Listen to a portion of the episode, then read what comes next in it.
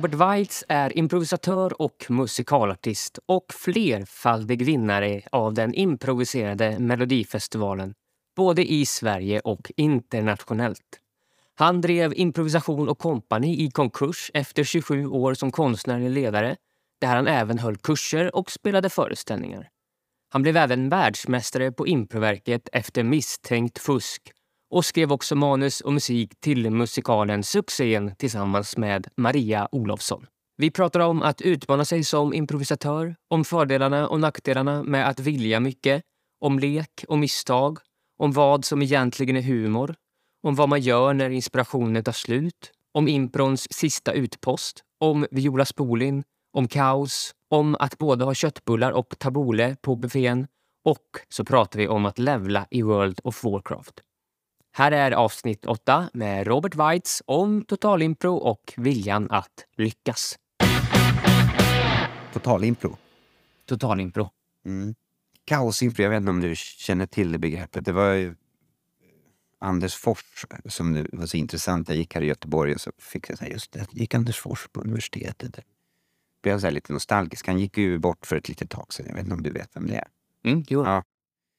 Och eh, vi började intressera, eller det var jag egentligen som började snacka om att jag ville ha liksom mer total fotboll på scenen. Jag ville ha mer att alla skulle göra alla roller, att man skulle kunna spela alla roller och sådär. Liksom bryta upp massa mönster.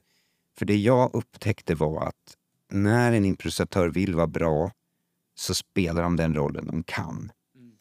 Och när man introducerar en teknik, en improvisationsteknik eh, där man känner att man är duktig, då sitter man liksom och hoppar på sätet för då vill man vara med. Men när, när man introducerar en teknik som kanske inte fick lika många skratt som, och man hittar på att man inte är bra på det, då ligger man lite lågt. Mm. Då blommar man kanske fram. Så det är intressant. Mest med hur folk beter sig. Men tillbaka till det där med kaos inte, för då, då, då ville vi liksom bryta upp det här äh, viljan att styra upp så att man kände att man lyckades. Mm. Låt oss säga, jag tar bara någonting, jag tar en sån supergammal teknik. Sitta, ligga, stå var det som poppade upp i huvudet. På. Mm.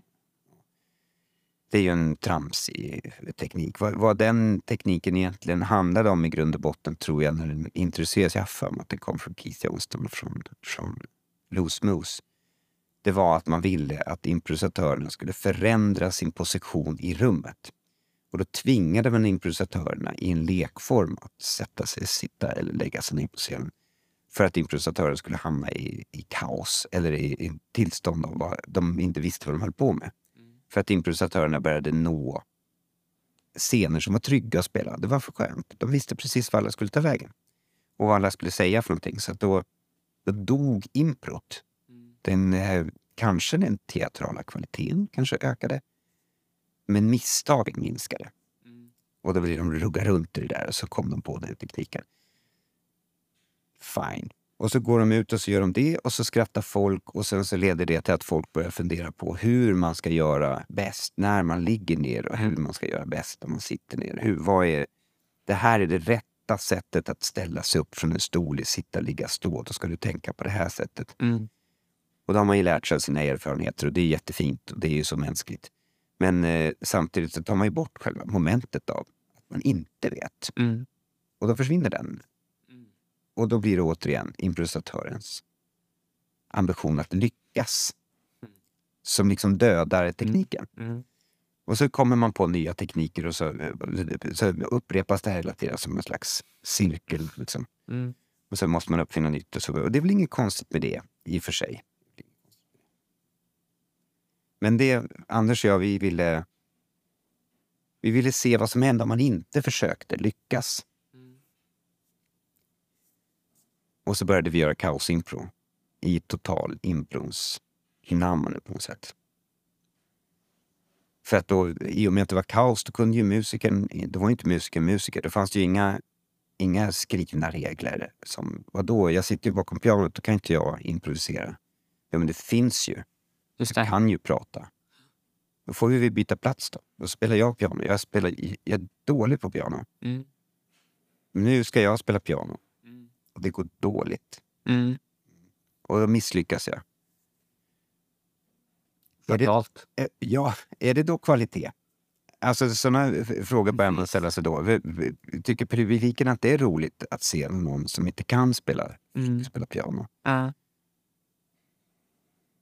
Ja, jag vet inte. Vad är kvalitet då? Alltså vad är... Får improvisationsteater vara kvalitativ teater? Eller ska man tro på improvisation som sig? Mm. Eller ska man låta det vara dåligt repeterad teater? Förlåt, det finns nedvärderande, dåligt nedvärderande, det menar jag inte. Men eh, låt oss säga Lotta och jag, vi spelar ju parmiddag jättemånga gånger. Vi hade ju spelat parmiddag massor av gånger. Nya gäster i och för sig varenda gång. Men vi började ju upprepa oss. Alltså jag visste ju nästan lite vad Lottie skulle säga innan Lottie sa det. Ibland överraskade hon mig, men det var mer ett undantag. Och eh, då har vi ju börjat spela textteater på sätt och vis.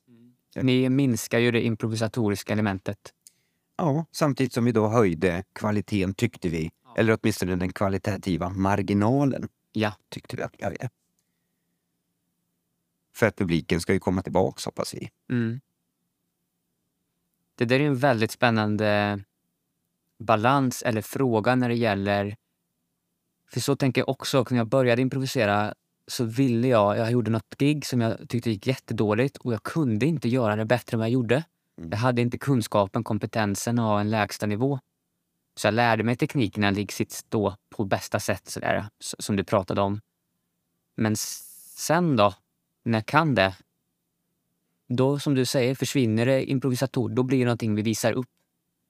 Visar upp att jag kan. Mm. Och jag kan också fort, då blir det mer likt magi att jag får publiken att tro att jag improviserar. Men egentligen så är jag ganska inställd på vad som kommer ske. Ha koll. Mm. Så frågan som, som jag blir väldigt nyfiken på är ju när den kva, kvali... Ja, men om vi ser Robert sitta och spela eh, piano och du inte kan det. Och så är du och jag spelar och jag ska sätta mig och spela trummor som jag inte kan. Kan väl hålla takt liksom. Men blir det ja, kanske någon liten glimt en stund. Men var går också gränsen? För det, du, har, du, jag tänker att du och Anders fortfarande hade någon ram. Eller bytte ni också? Var ni, kunde ni lika gärna vara publik och publiken upp? För det finns ju hela tiden någon, tänker jag, en struktur som håller, som säger er- åt er var, var det tar slut. Det finns ju någon slags överenskommelse för vi tog ju betalt. Ja, precis. som- I verkligheten är vi nu. Ja, nu är vi i verkligheten. Så vi, sa så här. Ja, det kostar så här mycket pengar. Då får ni se oss när vi inte vet vad vi håller på med. Ja, Ja, så betalar de pengar och så kommer de dit. Och det, i och med den överenskommelsen så finns det också ett, en slags initiativ som liksom... Vi behöver ta initiativet. Det är en spännande idé att bara säga så varsågod, 160 kronor, välkommen ner, sätt er i källaren här. Det började. ja, och så är det ingen som vet vem som ska börja. Det, ju, det kan ju vara ett spännande experiment, kanske konstnärligt. Men det finns en risk att folk kommer säga så här, nej, det här var inte roligt, nu går jag härifrån. Pengarna tillbaks, eller något liknande. Och eh, det är ju också jättespännande på ett konstnärligt sätt, kan man ju tycka. Det är kanske inte är så ekonomiskt i form av att driva en teater, för jag är rädd att den som går därifrån och tyckte det här var ingen bra, inte kommer komma tillbaks. Så därmed finns det ett slags initiativ. Och den, den typen av press tror jag man känner lite när man har sagt välkommen hit.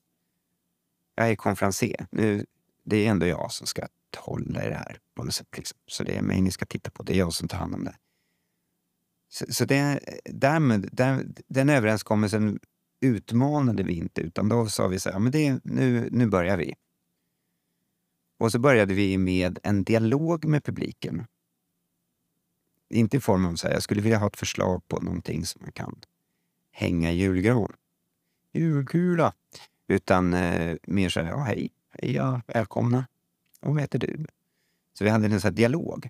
Bara för att prata, för att då skapar vi ett gemensamt, eh, en gemensam överenskommelse i rummet som är vi som råkar vara här nu.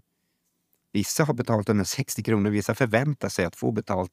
Men vi som är här i rummet just nu, vi, eh, vi är här och det är det unika med den här föreställningen, att vi är här.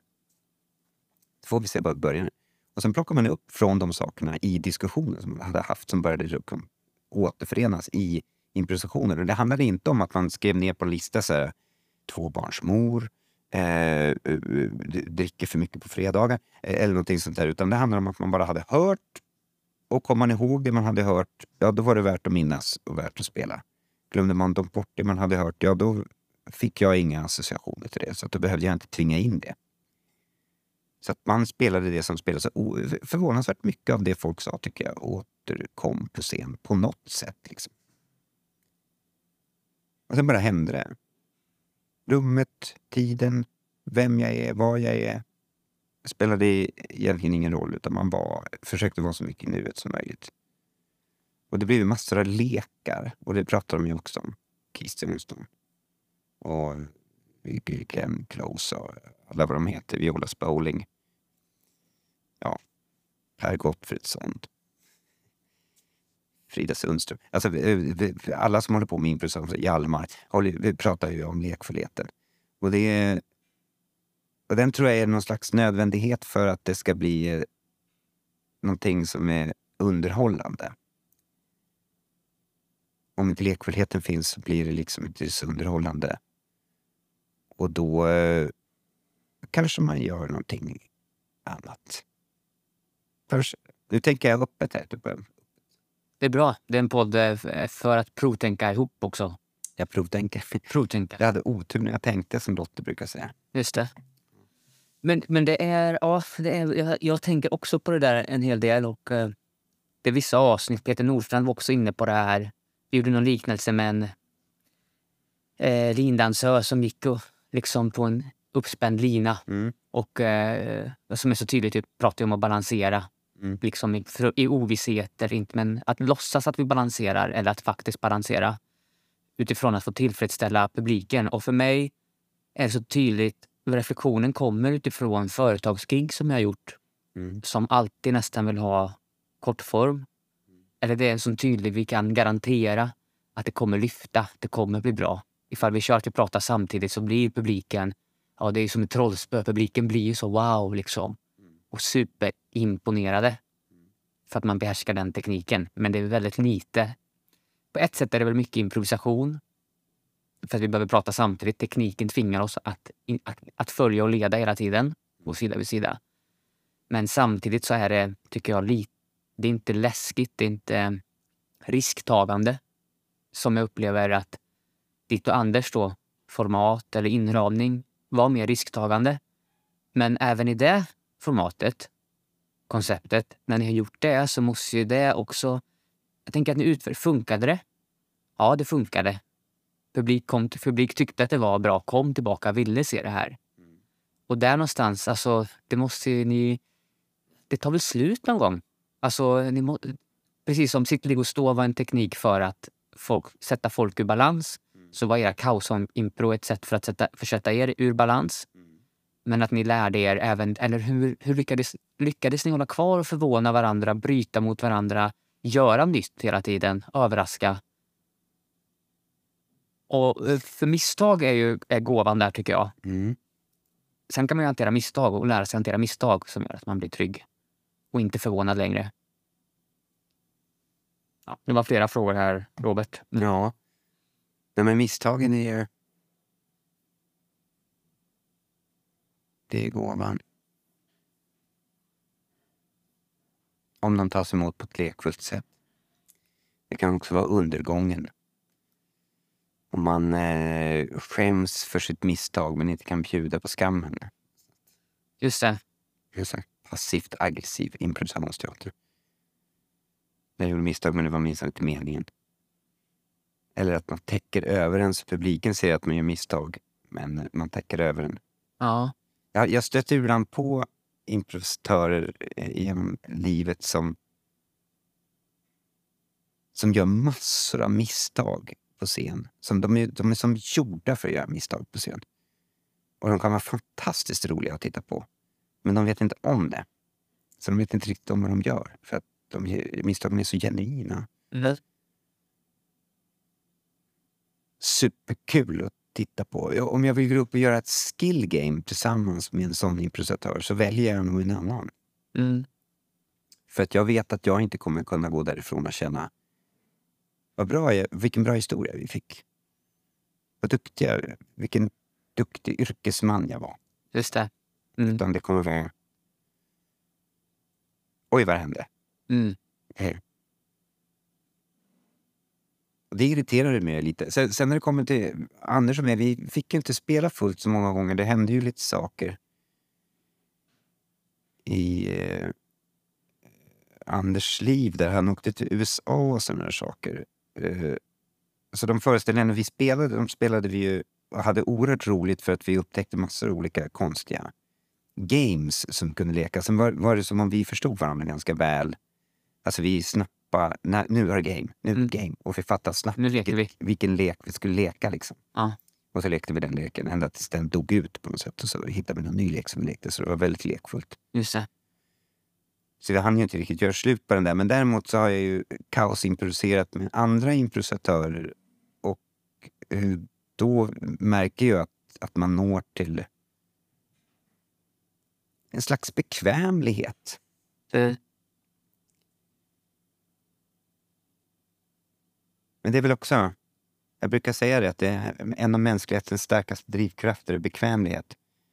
Om du inte tror mig, titta omkring dig. Vad har vi för uppfinningar? Soffa, bord, stol. Varför? Skåp. Varför finns det en TV? Varför? ja, all teknik. All teknik. Ja, men allting vi har här, tegelsten. Liksom. Det är svårt att hitta någonting här inne som inte handlar om att ja, men det är bara bekvämare så. Så det är en av de här drivkrafterna. Så vill man bli rik så ska man uppfinna någonting som gör folk bekvämare. Om man sitter där hemma i uppfinning. Motionscykel? Nej, motionscykel inomhus. Bekvämare. Just det. Man kan säga. Kan man se på improvisationsteater eller som utövande improvisatör som en strategi för att bli bekväm? Bekväm i livet kanske? Men, ja, men det tror jag. Det, det, det, det tror jag. Eller det händer mig. Jag kan ju bara prata om hur jag tänker. Alltså, jag vill ju hela tiden, när, när jag hade teatern ville jag hela tiden utmana koncept, alltså bryta upp koncept och göra någonting nytt och såna här saker, vilket ju ledde till en ganska osäker framtid. Och sen när jag tröttnade på det, på att bryta sönder saker och ting, ja, men då, nu ska vi byta plats. en, typ en grej. Plötsligt tänkte jag så här, men varför har vi en musiker och tre improvisatörer för? Varför har vi inte tre musiker och en improvisatör? Ja, men nu byter vi. Ja. Så får vi se vad det, vad det leder till. Åh, vad spännande. Ja. Men till slut är liksom idéerna slut. Det man kan bryta upp nu? Liksom? Ja, ja, det här tycker jag det här är spännande. Jag är ju i, eh, i början tycker jag, tänker jag på mig själv i min egen improkarriär. Och utan att veta så tänker jag, min fantasi är att du är i slutet på din. Du har slutat med teatern. Det behöver inte vara så. Men det är också en åldersskillnad mellan oss ju. Och du har i alla fall en himla massa impro-erfarenheter Mm. mer än mig. Mm. Och just, alltså kan, kan leken mjölkas ur? Eller när försvinner inspirationen? Glöden? Eller jag tycker fortfarande det är lika kul. Alltså jag tycker, älskar fortfarande impro. Man blir, säger sådär, ja, du har blivit improbiten. Mm. Hört. Så det kanske lägger sig efter, lite som förälskelse i en partner. Den har fan inte släppt för mig än alltså. och, och jag vet inte, alltså jag är på fyra år ungefär och samma driv hela tiden. Vill, Mm. Och scenen också. Lek, lek. Och sen är det inte såklart alltid att alla rep är jätteroliga. Och speciellt inte om vi övar tekniker Mm. för att få in. Då försvinner det. Men alltid på föreställningar och just buset, leken, eh, lite clowningång för mig i alla fall, med misstag. Och närvaro, alltså bara vara där och upptäcka. Det är väl bara fantasin som sätter gränser och fantasin är väl, begräns- är väl oändlig liksom. Eller det är väl det som är. Eller vad händer? Varför tröttnar man? Ja, varför tröttnar man? För mig handlar det om, jag brukar kalla det för levla, för jag har spelat ganska mycket rollspel. Mm. Och det finns ju massa dataspelsvärlden också. Ja, men jag har spelat eh, World of Warcraft. Då var det level. Och då, eh, man, man håller på så, så levlar man, så känns det så jävla kul när man levlar. Liksom. Ja. Och man, Nya färdigheter, nya förmågor, ja. nya zoner får man gå in i. I Pokémon Go var det samma sak. Så här, I början så levlar man jätteofta. Så, wow, nu är jag levlat igen. Så här, sen samlar man på sig. Sen blir, sen blir det liksom le, längre och längre. Man behöver mer experience. Ja, för att man ska komma till nästa level. Och lite så känns det som improvisationsteater. Alltså man har kommit upp, ja men nu är jag uppe på den här nivån. Åh, nu, händer ingenting. Och, så, och, så, och ungefär när det känns här, nej det här är, det är inte kul längre. Så plötsligt, ah, jag har kommit på det här. Har du levlat då? Då levlar jag. Mm. Det är min värld. Liksom. Så, Mm. ja, så jag går typ, ah, jag kom på det här. Och sen, det är ju din framtida lycka. Mm. Att upptäcka saker som jag redan har upptäckt. Och i början går det ganska fort. Ja, i början går det fort. Då levlar man ofta. Och då är det så jävla kul. Ja. Och sen så levlar man lite med källorna. Har man kommit in då är att det har blivit ens yrke som det blev för mig. Då hänger man ju kvar av flera olika anledningar. Det är, det, för, Ekonomiskt. ja, ekonomiskt och det, det, det, någonstans den tristessen som kanske någonstans växer i i att prestera för att kunna betala en hyra och tjäna en lön. Och, och det liksom, att återupprepa de sakerna som man upplever att publiken vill ha. Och på det sättet så levlar man ju inte. Man sitter inte på sin stuga och är sådär fri liksom. Mm. Medborgarlön skulle hjälpa det. Mm. Det tror jag. Utan man sitter där och håller på och tjorvar på liksom. Mm. Funderar på om man ska sälja soppa i kaféet eller inte. Och vem ska göra det? Ja. Det blir annat. Min personal. Ja, ja, det är annat. Som liksom kommer i, i yrket på något sätt. Ja, det flätas ju in, flätas Mm. upp. Men i mitt fall var det så. Ja, men jag, jag känner, jag gör samma. Alltså jag, jag jobbar också heltid med impro och har jättedålig lön. Ja, precis så att jag klarar mig. Mm. Men jag gör bara impro och det innebär en himla massa administration. Jättemycket som integreras i impron. Om man pratar om impro som koncept, inte att hitta på i stunden utan plan, utan att om man pratar om impron som det vi gör. Ja. Och det, död, det dödar ju lite. Men att få stå på scen eller repa eller köra, improvisera. Hur fan kan det ta slut liksom? vad? Ta slut vad? Jag vet, alltså det är upptäckandet av nytt. Alltså, eh, ja, okej, varför har vi inte provat? För mig är det ganska långt till att prova att vara en, en på scen och tre musiker istället för tvärtom. Det blir- det är också något väldigt läskigt i det utifrån en säljsyn liksom och sådär. Mm. Men så på rep, absolut. Men där man kan väl... Ja, alltså, jag fattar inte begränsningen. Ja, det blev, hur ska man förhålla sig till det? Så förhållandet blev ju att då blir det soloimpro. Vad är soloimpro? Jo, då är en improvisatör med bara en på scen. Och hur får vi in misstagen i soloimpro? Eh, om är misstagen i essensen i improvisationsteater? Jo, det gör man genom att, i vårt fall, valde vi att rita. Vi eh, plockade bort scenografen och så ritade vi istället. Och, och eh, ibland så blir det ju det man vill. Så man ritar ibland så får man hitta på vad det är för någonting som råkade bli. Och ibland ritar man någonting. Sen, sen fick man se vad det var. Liksom. Och så jobbar vi efter det. Och det blev ju, bara det var ju en ganska häftig, häftigt format. För då började man ju värdesätta orden i större utsträckning och, berättandet. Eh, scene paintings och sånt där var ju ett begrepp som dök upp eh, i den vevan. Liksom. Det, var, det är så mycket som, när jag började improvisera var det så mycket som inte fanns. Vi hade inte ens improviserande musiker i början utan det var en som skötte ett par CD-skivor som liksom slängde in så här, oh romantiskt, romantiskt, plockade fram den, stoppade in den i CD-skivan, tryckte på play och då var det inte romantiskt längre. Oh, stopp, stopp, stopp. Nej, nu är det... Ja. Så att det var ju en, då var man ljudimprovisatör. Just det. Mm, Just det har jag varit med. Jag hade enorma listor för att försöka kontrollera vad allting var. Liksom, så att det skulle gå så fort att hitta rätt typ av musik. Och det är också ett skill game. Men, men det sitter ju också ihop med skill gamet. Om, jag inte vill lyckas, Ja. då finns det ju ingen risk. Om du inte vill lyckas nej, så finns det inget risk för det finns inget på spel. Nej, och då tror folk med Peter Nordstrands rep, eh, misstänker jag. Om, om det inte är högt upp. Jag menar, om jag lägger repet på marken och så går över repet och det finns ingen risk att jag ska slå mig.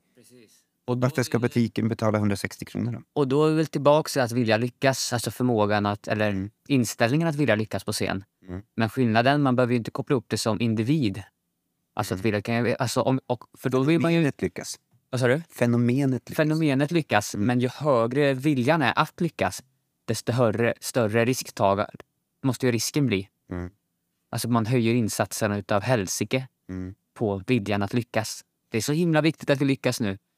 Och eh, då, det, vore, det skulle vara en väldigt kul ingång inför det har inte jag tänkt på. Ja, vi hade den i kaosimpron, att vi hade liksom 100 procent vad nu vi än gör. Det måste lyckas. Ja, det, ja, men det måste vara, det ska vara världens bästa kärleksscen. Ja, Och i världens bästa kärleksscen dyker upp misstag. ja, Och de får vi inte täcka. Utan så fort vi misslyckas Ja, i vår kärleksscen, då är det det vi spelar. Nu, Ja. är, det, nu är det världens bästa misslyckade kärleksscen. Och Ja. när, när det inte blir världens bästa misslyckade, vilket det ju inte blir om publiken uppskattar det, då är det ju inte längre världens misslyckade. Det Nej, kanske världens mest eh, kärleksscen med många ord som börjar på F. just För det. att det har vi nyligen sagt flera stycken av. Alltså hela tiden byts leken ut beroende Ja. på. Och det som är viktigt i den kaosgrejen är att man litar på att publiken förstår leken. Mm. Och det som är, man kan enkelt säga, om jag går ut och leker världens bästa lek med bokstaven F i början på var tredje mening och publiken inte förstår det, då kommer inte jag få någon respons. Nej. Det finns ju då- också en... Ja, Då vill inte publiken att jag ska leka den leken, då måste jag byta lek. ja. För jag ska bara leka de lekarna som publiken vill att jag ska leka. Det innebär ju också att, eh, att de där F-lekarna, Mm. alltså att varje, bokstav, varje ord ska börja på F då, som publiken fattar. Och sen ser du ett annat mönster. Mm. Eh, de blir bekanta med det, de andra. Så att ju avans mer avancerad lek är, leken är, som kanske utmanar dig som Robert som improvisatör. De slutas till slut, eh, de kan, man till, de kan man inte kanske spela då. Eller? Om det är i publiksyfte, man kan ju göra det på rep. Är bara när man leker med sin polare och se hur avancerade lekar kan vi leka. Ja, fast för, förstår publiken leken så, så kan den ju lekas. Förstår de en sån? Skulle de... Lekte du Anders mycket då på scenen som var... Träffleken. Nej, inte mycket, men... Jo, den 14 september. ja, precis. Nej, men sådana kanske jättesmå... Så här, var tredje mening ni säger så gör ni en referens till eh, döden fast i symbolisk mening. Ja. Alltså, men ni två är med på det. Mm. Men det är aldrig i livet att man skulle ha fattat det. För, imponerande, för, för, för det blev sånt. Det blev sån här... Och ni var med på också. Det var inte bara du som lekte i ditt huvud och trodde att Anders och så råkade det bli så. Nej, det, det kan jag ju inte... Det måste man ju fråga Anders om. Det blir svårt just nu. Ja. Men, men, eh, men eh, det kändes som liksom så, ah, just det, vad kul, vi hade den där... Eh, prata om en, en av världens sju underverk, vart sjunde mening-leken på gång. Liksom. Ja. Och den ambitionen att lyckas med det Ja. gör ju improvisationen, improvisationen så mycket svårare. Ja. Vilket gör att det erbjuds så mycket mer möjligheter till misstag. Ja. För då, blir jag, då får jag ju leka, samtidigt som jag leker affär och ska slänga in ett sjunde underverk, vart, jag kommer inte ihåg vad det var för Ja, men-. Ja, Men- ja, ja. vad sjunde mening? Vad- Jaha, sjunde, vad sjunde? Okej, vad sju, sju, leken sju, sju turtal. Ja. Ja. Då är det väl det, då är det sju turtal-leken. Alltså, Just nu, ja. Mm. Men det där är väl samma, för att gå tillbaka till den här... eh, Vart sjunde mening har tur. Nej, det hade jag inte tur. Ja, nu har jag otur. Ja, men jag förstår lekarna kan ju hela tiden förändras. Det är väl det de gör, men, men de behöver ju finnas en liten stund för att kunna... Alltså mönstret behöver Mm. etableras, annars så blir det ju inte lek. Annars så finns det inte... Mm. Jag, vi ly- misslyckas efter första gången. Mm. Vi, vi lyckas slänga in ett, ett underverk i första meningen. Mm. Sen när sjunde meningen kommer igen och vi ska slänga det till Mm. så, så missar vi det. Mm. Och så är den leken... Alltså, leken måste ju uppstå först när det blir mönstret. Det eller men Ja. mönsterskapande, att det är det som är leken. Ja. Hela tiden mönsterskapa. Mm. Mönsterskapa. Men det var det vi hade slängt in i kaosgrejen, att om leken funkar för publiken så leker vi den vidare. Det är ju väldigt clownigt upplever jag. Det är väldigt clownigt. Det är det. Och när publiken tröttnar så gör byten gäller. Ja, då leker vi den leken vi tror att publiken vill att vi ska leka då. Mm. Det kan ju vara leken, okej, vi ger upp. Vi lyckades inte komma på fler lekar. Ja, Mm. vi är världens sämsta improvisatörer. Då är vi 100% världens sämsta improvisatörer som inte kan komma på några lekar. Just det. Ända tills det bildas en lek i den leken.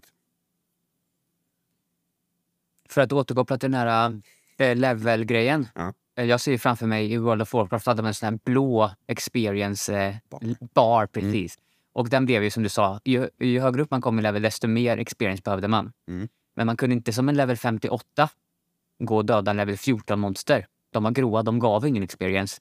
Det var för lätt. Mm. Så man var tvungen att döda gubbar i samma level eller nära. Mm. Så för att utvecklas som improvisatör så behöver ju också den eh, nivå. Jag tänker att den typen av an, eh, lekar eller utmaning som du och Anders gav er själva, det var en ganska lagom utmaning som också gjorde att, att ni fick experience då, eller erfarenhet som gjorde att ni successivt gick mot en högre level. Mm. Men om ni skulle köra sitt ligg stå hela tiden, som man gjorde kanske på level 15 då, och det skulle ni fortsätta med, då skulle väl den sluta väl ge experience. Det handlar väl också, nu tänker jag direkt på också Jo, men det gör den väl? utvecklas som improvisatör och också varit det kul. Det är inte så kul att gå runt och döda level 14 vargar när man är level 58 och kan möta stora lavamonster kanske. Nej. Men det blir ju lite det som någonstans händer, tror jag, med ökad erfarenhet som mig som improvisatör. Att man eh, slåss mot level 14 vargar. Ja. Vad är en level... Eh, level vad skulle en upp... Ja, det kanske är den kaosimpron då. Eller vad skulle...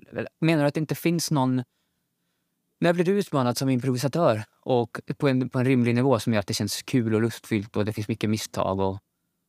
För det ligger nära, då, utmaningen ligger i alltså att du ska göra misstag som det ligger nära i att du skulle kunna känna skam vid om det failade, eller? Ja, så kanske man kan säga. Ja. Positiv skam. Positivt skam. Lekfull skam. Ja. Och situationer du inte varit i förut. Sättet att ta hand om misstaget får inte riktigt vara sam... Ja, angrepp. men det finns väldigt många situationer. Ja, eh, Maria Olofsson, jag och Jesper Eriksson heter han. Spe, eh, saxofonisten. Saxofonisten, ja. Jesper. Han är ju mer än bara saxofonist. Ja, Det är vår gemensamma referens. Han eh, eh, och jag improviserade lite kaosimpro. Då var det jäkligt skojigt eh, för inte så länge sedan. För det hände en massa såna här saker som som var så här, just det, så så här kan det hända. Alltså när man, det tror jag är det som just nu, när verkligheten någonstans luckras upp in till att bli någon typ av fantasi utan struktur. Då har jag skoj. Nu för tiden. Så jag tror att mina level 14-monster, det är kanske sitta, ligga, stå till. ja. absolut. Men fantasi utan struktur, det är väl en fantasi utan struktur som ni hittar en struktur i. Men att hela tiden hitta mönster ur kaoset. Mm. Och sen så när ni hittat det så... Ja, till slut tröttnar man. Det blir så här... eh, Det finns ju någon sån här redundansteori eller vad det heter. Att ifall det är för mycket information som är samma, lika, Mm. så tröttnar man. Någon som pratar om samma sak hela tiden. Kolvstoppnings... Eh, tror jag är ja, i pedagogik. Mm. Liksom. Medan ifall man tillför variation så, och kaos då, Mm. så, så hela tiden kan man hålla det eh, i formen av också eskalera mönster och så vidare. Men om man bara tar variation hela tiden, då blir det ju inte, om man bara har det elementet, då blir det ju ingenting. Informationen är inte sammanhängande på något sätt. Bara ord. Eller bara någonting. Bara kaos. Så balansen just hela tiden att, att vara i. Och den måste ju också, att ju mer erfarenhet man får i information, informationsdelen som, som du har fått då, desto svårare kanske det blir att få in nya... Jag vet inte. Det, det låter som det tycker jag på det när du pratar. Alltså, vad är det nya? Hur kan du, få, hur kan du hitta något nytt? Mm. Vad, vad, vad är nästa zon för dig att, att flyga till och, och fortsätta levla om man vill det? Mm. För det du sa nu när du improviserade med Jesper var att du hittade tillbaks till, ja just det, det var så här. Eller, och då tänker jag, i mitt huvud så gör jag en tolkning då att du känner igen platsen du har varit på eller som är lustfylld. Kanske, fort, och där finns det kanske monster du dödar som du lämnas av. Ja, det är en himla analogi med det Det där. var roligt, men ska du höra kort utdrag av det vi pratar om så blir det ju väldigt så här. Ja, Det var 14 monster som är så här, vad fan, vad nördiga de är. Ja. Nej, men så är det. För det som driver en på något sätt eh, då, det är väl liksom, och det är väl ganska som gemene man tänker jag, oavsett vad man har för intresse. Man vill göra lite, man vill ligga hela tiden i någon slags utmaningszon. Om man tänker på sådana här begrepp som flow och sådär, de pratar ju om att ja, man måste vara så trygg att det känns bra och samtidigt måste det vara utmanande på ett stimulerande sätt. Om det är för utmanande så blir man apatisk och kan inte, eller eh, ja, det blir för svårt ju.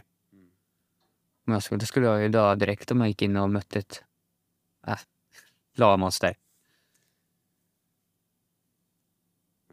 Det var en rolig liknelse. Funderar på om företagsjobb är lavamonster också ibland. Ja, Hur, hur då? Nej, men det finns ju företagsjobb där man inte har skapat sig de förutsättningarna som man behöver för att det ska kunna gå bra. Ja, just det. Det kanske är buffé, folk är jättefulla. Ja, det är ju ett lavamonster. Ja.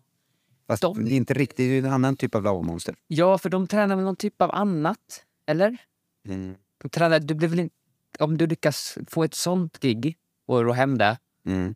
blir du en bättre improvisatör då utifrån misstagsbejakande improvisatör kanske och spelfull och lekfull improvisatör? Eller blir du en mer strukturerad improvisatör som kan ta micken och säga att nu ska vi spela improvisationsteater här så då vill jag att ni är tysta.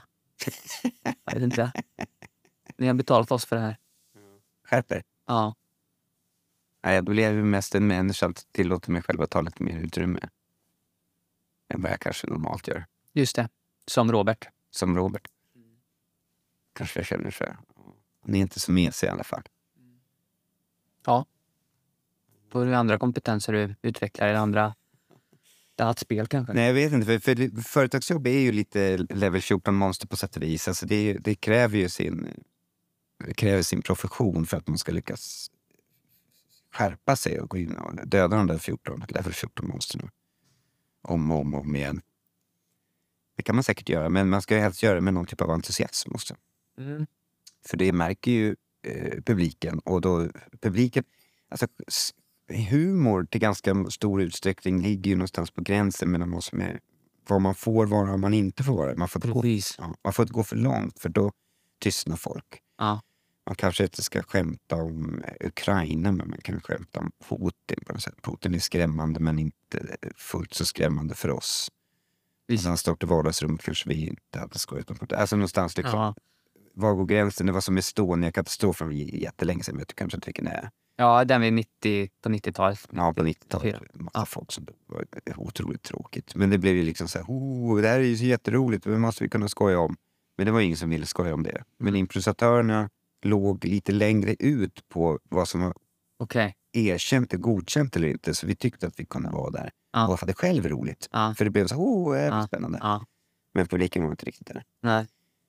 Så när de ser två personer som skriker i varandras ansikte så ligger de på level två i publiken. Ja. Tycker att det är otroligt Ja. gräns, gränsutmanande. Liksom. Mm.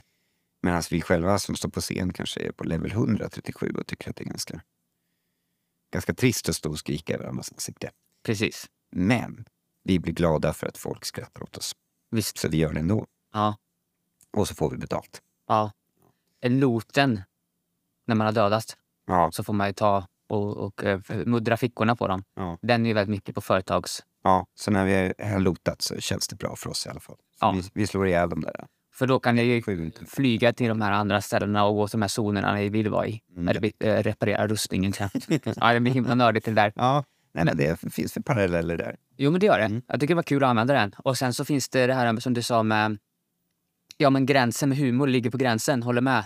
Mm. Har lyssnat på något TED-talk som pratar om just hur kittlandet, att kittla någon, Mm. är så bra symbol för också. Mm. Intentionen är godartad. Mm. Konsekvensen är oftast godarta, godartad. Jag attackerar Mm. med att få dig att skratta, men jag, jag tar ju på det och liksom Mm. kittlar. Eh, men det är samtidigt något eh, hotfullt. Alltså det är en, en, god, en godartad eh, attack Mm. eh, pratar de om. Mm. Mm. Benign violation eller någonting sånt där. Och det är det som är och gör oss humor. Eller gör väldigt mycket med humor. Mm. Eh, och eh, den gränsen, precis som du sa, kanske är olika för improvisatör och publik då. Eh, Ja, för att jag tror att man befinner sig i den gränsen ganska... Man har blivit bekväm med en Ja. gräns in, som inte publiken har hunnit bli bekväm med. Verkligen. Det är väl därför också så här, man, man, man säger eh, ja, men något med bajs eller kuk eller knulla på scen så får det oftast eh, skratt, att det kanske känns fräckt eller jag vet inte. Ja, fast jag tror det finns, två, det finns olika humor. Alltså, det, det tror jag är, är skam, skamskratt. Okej, oj det kan man inte säga. Eller vad, att man skrattar för att man skäms för att höra det. Eh, För att det blir genant. Ja, just det. Så det blir... Oj, nu blev det genant. Ha, okej. Och det kan inte alltid vara så lätt. Det är inte alltid så lätt tycker jag att hålla sär på skillnaden på utmanande, oh nu be- befinner oss vi i eh, gränsen för vad två och när det bara blir pinsamt Mm. och man skrattar någonstans. För mycket humor handlar ju om att man befriar någonting som är spänt. Att det är så här avslappning efter spänning på något sätt. Kan jag Just det. Mm. Som Eh, ventil. Comic relief eller katarsis eller vad det heter. Ja, katarsis. Ja. Ja. Och det är väl där improvisationsstaten kan befinnas också ganska mycket. Ja, och det ligger lite i grunden. Det finns en sån Mm. spänd stämning bara man ska se på improvisatörer som hittar på. Mm. Personer som hittar på så finns det alltid en tension hos publiken från början. Mm. Så då när misstaget kommer och man får se improvisatören förhålla sig till det på ett förhoppningsvis då härligt sätt Mm. så blir det ju värre sån katarsis. Och katarsis är ju också väldigt nubaserat. Det är ju den här publiken just nu som har den katarsisen. Jag- eh, När jag var ung så, så fanns det en Helge Skog, Lennart R. Svensson, Pia Johansson. Var de du då för mig? Du? Alltså, Ja, kanske. Jag vet ju inte vad du är. Men, men, men alltså jag vet inte vad du är någonstans. Men de spelade på Stadsteatern och hade tagit med sig improvisationsteater bjudit in Keith Johnston som hade... på Stadsteatern? Ja, på Stadsteatern i Stockholm. Ja, kul! Och det blev så otroligt uppskattat och så det började sändas på tv och på tv blir det också stort. Teatersport var det va? Ja, jag har sett Youtube. Ja, du har sett de klippen från Youtube? Ja. Mm. Och eh, för mig när jag, när jag var där eh, i, i den tiden då, vad kan det vara på 80-talet, 90-talet någonstans där, och tittade på det här så var det ju stor katartis för Mm. mig. Det var jätteroligt. Men när jag ser klippen nu och tittar på dem så är de inte alls det jag förväntar mig. Det- En del försvinner ju i och med att man spelar in saker och ting. För att då, då är man Ganska när- stor del. man Upplever är inte närvarande i publiken i nuet. Liksom. Det, det är kanske ett annat ämne, teaterns sista utpost. Att liksom, vi kan fortfarande vara i nuet, i stunden med publiken som är just här. Det är den sista egentligen utmaningen, eller vad ska man säga, kvalitativa resurser vi har att konkurrera med. Över med allting annat eller AI och allting sånt. Ja, jag tänker på tv. Alltså, varför, ska vi gå, varför ska man gå till Tredje Långgatan 16 och titta på, titta på en föreställning på Tredje, tredje Lång? Varför gör man det när man kan titta på världens bästa skådespelare? Inget ont om de som spelar på Tredje Lång. De är Mm. jätteduktiga. Nej men verkligen. Men världens bästa ser vi på tv nu. Ja, eller varför inte se skriptad humor om man vill skratta eller... Ja, där de har klippt bort allting där det inte Ja. gick hem. Ja, precis. Och då är det närvaron i nuet. Ja, det är ju det, är ju det sista vi kan konkurrera med egentligen. Ja, och styrkan. Ja. Det unika. Och det roliga med, som du gör här på Comedy Club, är att du, du säger så här, kom och ha roligt och drick lite sprit samtidigt. För alkohol dämpar ju också äh, ångest och sådana saker. Så att du blir lite glad av det du dricker, du blir lite glad av det du ser. Och sen kanske, vem vet, kanske du kan få gå hem med någon som du kan få krama på efteråt. Jag menar, det är ju det är ett lotteri, men, men Ja. det finns ju mycket vinster här. Och räcker, det, räcker det för mig för att lämna tvn? Ja, just det. Konkurrens... eh, Vad säger man? Fördelar eller... Ja. Ja. Ja, men visst så är det Räcker ju. det, räcker det för att folk ska komma och göra att du känner dig glad på Mm. slutet av kvällen Mm. och går med en skön kick och Mm. tänker jag har världens bästa jobb. Det här kan jag fortsätta med fast jag får jättedåligt betalt. Just det. Ja. ja, uppenbarligen gör det ju det. Ja, eftersom du Fortsätter och tycker jag inte har... Ja, det är så långt ifrån fortfarande att, att sluta med. För slutar de komma, Ja, då blir det svårare. Eh, och sen så ligger det ju väldigt mycket i bekräftelsen hos andra improvisatörer och, och sådär. ja. För det finns det ju också en, eh, inte som improvisatör där, men utan som entreprenör kanske, som impro-entreprenör. då. Kul att du gör det här Hjalmar. Och sådär. Mm. Eh, det, men det finns ju något i, som är där du pratade om förut, ifall man ser några... Om jag ser dig döda level 14 vargar Mm. och jag själv är i level 2 så tycker jag att det är väldigt häftigt att du kan döda level 14 varg, Mm. vargar. Eh, ja, vart vill jag komma med det här? du skulle också vilja ha ett sånt där svärd som jag fick. Ja, det vill jag ju ha. Ja. Det vill jag ha. Men för mig kanske level 14-vargen är den högsta, det högsta jag varit med om än, Mm. och mött själv. Och då dog jag direkt för att jag inte resursen att klara det. Du hade läderrustning. Jag hade läderrustning, ja. men jag ser det här. Och du har till och med sån här mount du rider på en häst. Liksom. Så vad kan man rida på det? Liksom. Så här, Mm. oh, wow, liksom, världen bara expanderar fortfarande. Usch vad tragiskt. Livet kanske är så. Men varför är det tragiskt? Nej, varför är det tragiskt? Det var en jättebra fråga. Men jag, jag, jag har ju hängt med ett tag, nu är jag ju 50 år. Så, så jag börjar bli lite så här, fan, fan går livet ut på? Vad är det för mening med det? Mm. Ska jag hosta lite? Vad är det för mening med att fortsätta? Och leva. Det blir ju hårt, eh, hårt prat, men, eh, men någonstans är det väl det. Eller? Oavsett ämne, oavsett intresse. Ja, det beror... Men nu, om vi går in på det. Så här, det allting som man har framför sig. Det, hur gammal är du? 31. 31. Man tänk- Tänk efter, så jag har slutat räkna med andra ord. Jag har kommit så långt upp i ålders. Ja, men jag blir snart 32. Jag är stort så här, nej, jag orkar inte ta reda på det. Jag Ja. kan inte tänka efter. Ja. Ja, det är så mycket. Men eh, eh, vad var jag på väg nu då? Kanske på något med eh, filosofi eller livsåskådning eller att livet Ja, men vad, vad, ja, ja, det är det väl. Men, men vad fan, man kan väl ha roligt medan man är meningslöst också. Men, men, men eh, eh, framför sig har man, man tittar på, vi har tv-apparater här i rummet så jag håller på att referera till dem hela tiden. Man tittar på en romantisk komedi och på den romantiska komedin så ser man två stycken människor som hittar varandra och blir kärliga och leker, lever, blir lyckliga eh, ever after. Okej. Som tonåring, någon gång i framtiden så kanske jag hittar en partner som jag kan liksom Mm. bli lycklig med för resten av livet. Det är häftigt. Det har jag framför mig. Giftermål, det har jag framför mig. Sen kanske man skaffar barn. Det har jag framför mig. Se barnen växa upp. Det har jag framför mig. Se barnen flytta hemifrån. Ja, det har jag framför mig. Det kanske inte är lika roligt. Eh, men, men det är kanske lite tråkigt, men det är det framför mig. Så, här, se, se barnen hitta en partner. Ja, men nu händer grejer utanför mig här. Det är inte, det är inte jag som får en partner, utan mitt barn hittar en partner. Ja, okej, men jag kan hänga med på det. Se barnen skaffa barn. Ja, ja, det, det brukar jag vara barnvakt. Det är kul med nya barn. Men Då är det inte du som får barnbarn. Jo, jo, men det, det, mitt liv förändras inte i sam, Inte samma- samma utsträckning. Så, för att, nu, tre barn har jag. När, när mitt första barn dök upp i min värld så var det liksom så här... Wow! Vad är det här? Ja. Jag levlade. Ja. Men, men, det är en individ framför mig som... Den, kan inte prata. Jag vet inte, vad, jag vet inte vad den vill. Ja. Men Den, nu är den ledsen. Det, det gör ont i mig när den är ledsen. Jag måste, jag måste lära mig det här. Jag måste lära mig det här. Det måste, jag kan springa härifrån, det kan jag göra, men det är inte Ja. okej. Nej. Utan jag är kvar.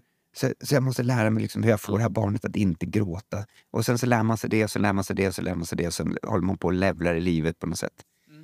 Och det blir längre och längre medan baren fylls på. Ja, precis. Och sen blir det till slut så här, ja, ja, Kan inte levla så mycket där.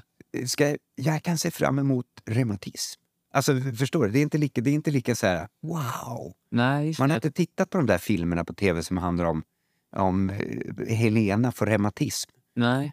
Och det stora häftiga med, "Åh, nu fick jag reumatism, äntligen har du reumatism. Jag vet inte hur jag ska klara reumatismen. Jag måste prata med en ännu äldre människa som kan berätta. Men eh, som en 31-åring då, en slags eh, klokhet som eh, jag upplever att många äldre kan ha eh, och som, eh, ja men speciellt ju, ja men någonstans till att man blir äldre, kanske inte när man blir, och det är ju subjektivt, men kroppens förfall kommer någon gång när man är riktigt gammal Mm. innan man faktiskt ska dö. Och, och på riktigt bli sämre, kroppen ruttnar ju till slut. Den börjar väl vid 30-årsåldern. Ja, så på, på, ner, på nedgång. Men det som växer är ju, i alla fall min erfarenhet, någon slags eh, klokhet, eh, kunskap, alltså det är just det här le, le, levlandet. Och då upplever jag att det är ganska många i den äldre som finner mening, inte meningen att prata om vad som blir meningsfullt när man blir gammal, men ett område är väl någon typ av mentorskap kanske som ganska många puffas till eller att man letar efter meningsfullhet i andra sammanhang, att få lämna efter sig ett arv och levla i den världen. För det, det jag gör och det du har gjort det är ju hitta ett område och levla i det.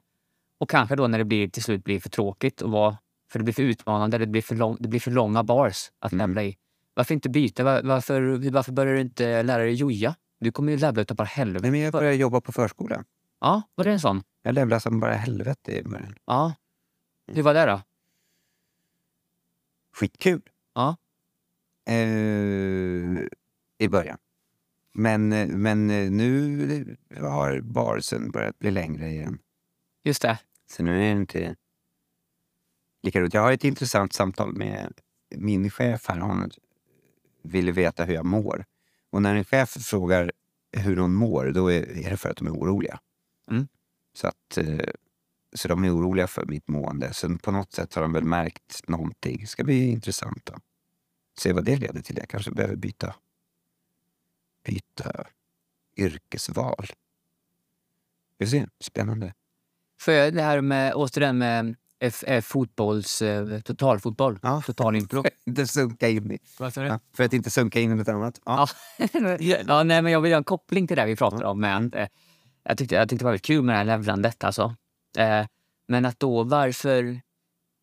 I improvärlden, jag tycker att det också är så nu när jag har öppnat dörren till impron och så går jag in där eh, så finns det så himla mycket. Jag tycker det finns. Sen så har jag de glasögon på mig så jag ser ju bara impro överallt nästan. I meningen av att jag tolkar eh, allt utifrån ett improfilter. Ganska mycket om hur jag ska bli bättre som improvisatör eller sådär. Och då, det finns ju så jävla många sådana områden där jag kan, som jag hittar som är nya, ja, men gestaltandet är jag väldigt mycket inne i nu. Och Mm. Där kan jag verkligen levla nu ganska snabbt.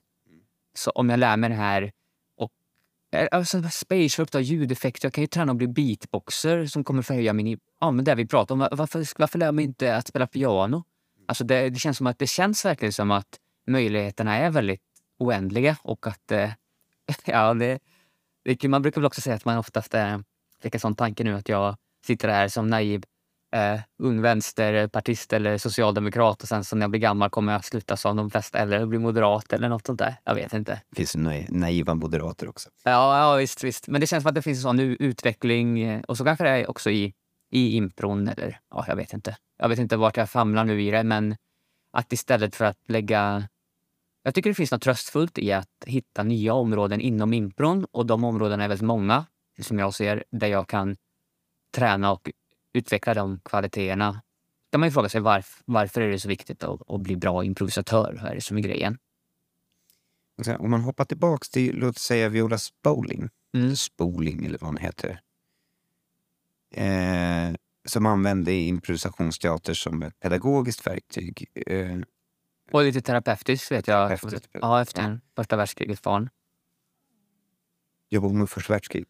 Eh, hon skapade, ja, eftersom jag är sociolog, sociolog så, så vet jag att hon, ja det var The Children House, eller det det var en sån här Neva Boyd. Hon var sociolog och hon, Viola Spolin jobbade för henne och använde leken för att, som jag minns det då, ta hand om föräldralösa barn från första världskriget. Så var, det är så långt tillbaka som första världskriget. Spännande. Ja, men det är så här 30, 30, ja, vad är det nu? Men lekarna. Ja, det, det är ju första världskriget. Ja. Ja. Vad hon hade som buffé var ju ungefär, eh, låt oss säga, köttbullar och potatis. Just det. I fråga om möjligheter nu liksom. Här är frågan om möjlighet. Det- Din bu- bu- bu- buffébefordran är ju mycket större. Mm, Och eh, kanske framtida improvisatörer kanske kommer ha ännu fler. ja. För, du, för innan det har det kommit på folk säger ja men du, vi ska ju sjunga improviserat. Just det. Det kanske Viola Spolin inte Visst. hade med som fantasi. Vem vet? Nej, Jag känner inte henne så väl. Nej just. I- Improviserat musik, wow. Ja. Improviserat slager, Ja, wow. verkligen. Eh, tror jag Johan Humlesjö som kom på eh, att de skulle göra en improviserad slagfestival. Och sen har ju det spritt sig och nu Kaosimpro. Hjalmar blir jättenyfiken. Gaussimpro blir jättenyfiken. Vad är det för någonting? Vad, Ja. vad händer när man kopplar ihop det med det och det? Så när du kommer till det här buffébordet då har du ju både gravad lax, lax rimmad lax och köttbullar och potatis och pasta och Pannkakor. ja, pannkakor, våffla. Ja, Så du har ju fler grejer att välja på. ja. Verkligen. Några av de grejerna har ju liksom poppat upp under min resa i impro. Så, wow, långform var ju en sak som Ja. var så här. Ja. Man kan berätta li- lång, man, kan, man håller på i 45 minuter med bara en historia. Liksom. Ja. Oh, it's impossible! Ja, Men de, där borta vid en ställe i USA håller på att göra det och nu har, nu har någon varit där och kollat och nu har de tagit med sig det hem så nu gör man det. Liksom. Vad kallar sig? Skala 1 till 1 tror jag föreställningen hette som spelades på Stockholms improvisationsteater en gång för länge sedan. Där jag var en sån här hangaround. Jag ville vara med. ja, just det. Så jag var där och tittade på jättemycket föreställningar. Och liksom så, här, "Åh, jag hoppas jag får vara med någon gång. För jag fick vara med i liksom, amatörligan på Teatersport. Men det var ju roligt det också. Proffs fick man inte vara riktigt ännu. Och så fick man stå i kaféet och så fick man... Ja, det var länge sedan. Mm. Eh, hur som. Ja, det glömde jag bort. Ja, Tråden var- precis. Vad var tråden? Ja, det ingenting med det vi började om. Ja, men det är buffén. Ja, Buffén liknelse. just precis. För jag, ja, Och under den resan som jag liksom ätit köttbullar och potatis så har jag börjat tröttna på köttbullar och potatis. Ja, men titta här! säger folk. Man kan ha potatisgratäng. Oh, Ja, potatisgratäng. Så min resa kanske har blivit lite mer utdragen men jag hade inte fullt så mycket att välja på till att börja med. Nej. Så kanske din, nu den här... Det, det finns så mycket som helst. Mm. Kanske stöter på ett abrupt slut någon gång. Mm. Då får du inte ge upp för då snart kommer de komma med inlagd sill. Eller om inte du kommer på den förstås. Precis. För det finns, och där finns det något meningsfullt att få göra, tycker jag, fortfarande för framtida improvisatörer. För jag känner mig tacksam gentemot, vad ska man säga, till äldre generationer som har hittat på olika format och tänkt kring och formulerat. Och, ja, men nu är det ju väldigt mycket med, i Göteborg i alla fall och säkert en hel del i Stockholm med, med Presens ju som har tagit över er gamla lokal med det här UCB liksom och det är en helt annan stil. Det är ganska stand-up-inspirerat, alltså sketchigt liksom. Väldigt mycket Alltså, där kan man också verkligen prata om hur mycket av det improvisatoriska försvinner i det formatet. För det är en helt ny rätt. Alltså det, vi börjar föra in eh, kryddor från andra länder här helt plötsligt. Ganska mycket. Vi har inte sill på midsommar längre utan nu, nu bräkar vi på med någon sån här tabule eller något. Jag vet inte. Och det finns jäkla mycket. Och det kanske finns kontinenter som vi inte har utforskat än. Eller det gör det säkerligen. Det finns kontinenter. Det gäller bara att få de kontinenterna att eh, få ett värde i ögonen på konsumenten. Ja, Alltså, det är svårt. för åker vi till Uganda så kommer, ju, Precis. så kommer vi tänka lite... Förlåt, nu är jag väldigt så här, eh, tråkig, men då kommer man tänka lite så här, ja, u-land. Vad har de att ge oss? Mm. Vilket är ju helt åt helvete fel. För eh, jag har varit nere i Malawi bland annat i Mm. Afrika och tittat på vad de gör. De har ju en... De har ju, ja, alltså de, de improviserar ju inte på det sättet. Det går, det går inte riktigt att pussla ihop pusselbitarna. Jag kan inte säga här är min... Åh, det pusslade så bra. Som eh, Amerika som kultur ligger närmare Sverige som kultur. Eller vi vill ju tillhöra Amerika. Så vi, det är lätt att pussla in. Liksom så här, "Ja, de här pusselbitarna passar ganska bra. Men pusselbiten från eh, Malawi ser väldigt annorlunda ut. Så det liksom tar ett tag att man liksom kan hitta hur man ska sätta ihop pusselbitarna. Mm. För de ett fundamentalt annorlunda sätt att tänka. Just det. Eh, betyder det att man behöver vänja sig vid deras smaker? Eller att man är fundersam på om det ens är en maträtt utifrån matbuffé-metaforen? Ja, lite. Alltså, för att fortsätta med sådana märkliga eh, referenser. Vad hette han nu? Simon and Garfunkel och Simon, Paul Simon åkte ner till Sydafrika, tror jag det var för att liksom berika sig av deras kultur och sen så blev det musik av det till slut som eh, eh det här Call Me Al, eller vad den heter. Nej, den heter inte så. I can be your bodyguard garden, you can be my long lost pal.